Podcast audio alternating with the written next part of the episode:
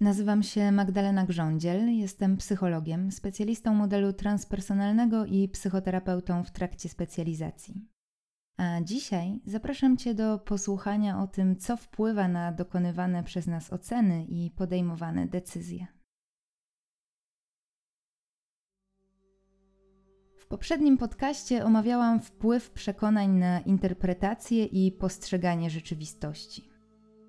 Wiemy, że korzystamy z pewnego rodzaju uproszczeń poznawczych w celu zachowania energii i uproszczenia złożonych problemów. Po nagraniu ostatniego podcastu zaczęłam rozmyślać o psychologicznych zjawiskach, które wpływają na nasze przekonania, i sama zaczęłam się uśmiechać do siebie, gdy zorientowałam się, jak często sama im ulegam. Psychologia opisuje wiele zjawisk tłumaczących fakt, że nasza ocena zależy nie tylko od faktów, ale przede wszystkim od kontekstu. Zatem przyjrzyjmy się tym zjawiskom. Jednym z ciekawszych zjawisk, który nieobcy jest z pewnością handlowcom, jest efekt kontrastu. Zjawisko to polega na tym, że ocena i idący za tym wybór produktu będzie różna w zależności od tego, do jakich innych produktów go porównujemy. Jeśli więc zamierzasz kupić dom, a twój znający efekt kontrastu agent nieruchomości najpierw zabierze cię do prawdziwej rudery, której cena w żaden sposób nie będzie adekwatna do jakości, z pewnością odrzucisz tę propozycję. Jednak kiedy później agent nieruchomości będzie pokazywał ci kolejne propozycje, te z pewnością wydadzą ci się bardziej atrakcyjne niż byłoby to, gdyby pominąć waszą wycieczkę do drogiej rudery. Warto o tym pamiętać, by nie stać się posiadaczem czegoś nie dlatego, że naprawdę tego chcemy, ale dlatego, że punktem odniesienia jest coś o gorszej jakości. Kolejnym zjawiskiem jest tak zwana wstępna aktywizacja, która zakłada, że pojęcia czy opisy, z którymi spotkaliśmy się niedawno, lub które często pojawiają się w naszych myślach, wpływają na naszą interpretację, ograniczając racjonalną ocenę faktów. Zjawisko wstępnej aktywizacji zbadali Tory Higgins, William Rawls i Carl Jones. W eksperymencie poproszono uczestników o udział w dwóch odrębnych badaniach nad spostrzeganiem i rozumieniem tekstu. W pierwszej części jedną grupę badanych poproszono o zapamiętanie epitetów pozytywnych, takich jak pewny siebie czy niezależny. Drugą grupę poproszono o zapamiętanie słów o konotacji negatywnej, jak na przykład lekkomyślny czy zarozumiały.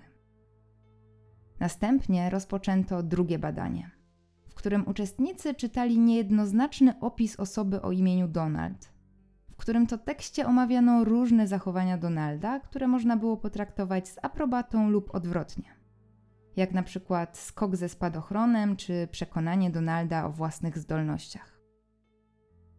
Badani po przeczytaniu tekstu mieli opisać postać Donalda własnymi słowami, a także określić, na ile oceniają go jako osobę atrakcyjną. Okazało się, że osoby, które zaktywizowano negatywnie, proponując zapamiętanie negatywnych określeń, oceniały Donalda jako mniej atrakcyjnego niż osoby z drugiej grupy. Biorąc pod uwagę, jak dużą tendencję mamy do oceniania zarówno siebie, jak i innych, warto zwracać uwagę na myśli, które pojawiają się w naszej głowie i słowa, treści, czy choćby przekazy medialne, które do nas docierają. Kolejnym bardzo ciekawym zjawiskiem jest efekt rozcieńczenia. Chodzi w nim o to, że informacje nieistotne osłabiają naszą ocenę. Wypowiedzi, które zawierają w sobie takie obojętne informacje, będą osłabiać nasze wrażenia związane z resztą wypowiedzi. Jeśli więc zastanawiasz się, dlaczego politycy tak często leją wodę i komunikaty, które mogłyby być krótkie i rzeczowe, często zawierają też zbędne treści, już wiesz dlaczego. Następnym zjawiskiem, którego nie bierzemy pod uwagę dokonując oceny, jest tak zwany efekt aureoli polegający na tym, że nasza ocena czy przekonania dotyczące cech danej osoby będą zależne od pierwszego wrażenia, jakie ta osoba na nas wywarła. Jeśli więc poznajemy osobę, która na pierwszy rzut oka wydaje się nam niesympatyczna, może pojawić się w nas także przekonanie o innych jej negatywnych cechach. np. lenistwie czy skłonności do oszustwa. A jak już wiemy z poprzedniego podcastu, w konsekwencji będziemy rejestrować te jej wypowiedzi i zachowania, które potwierdzą nasze przekonanie. Działa to także w drugą stronę.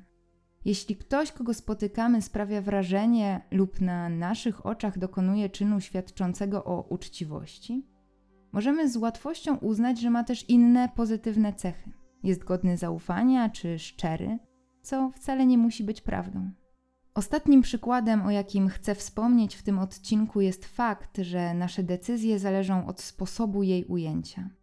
Oznacza to, że nasze oceny i decyzje mogą być różne w zależności od tego, czy grozi nam ryzyko straty, czy też mamy możliwość zysku.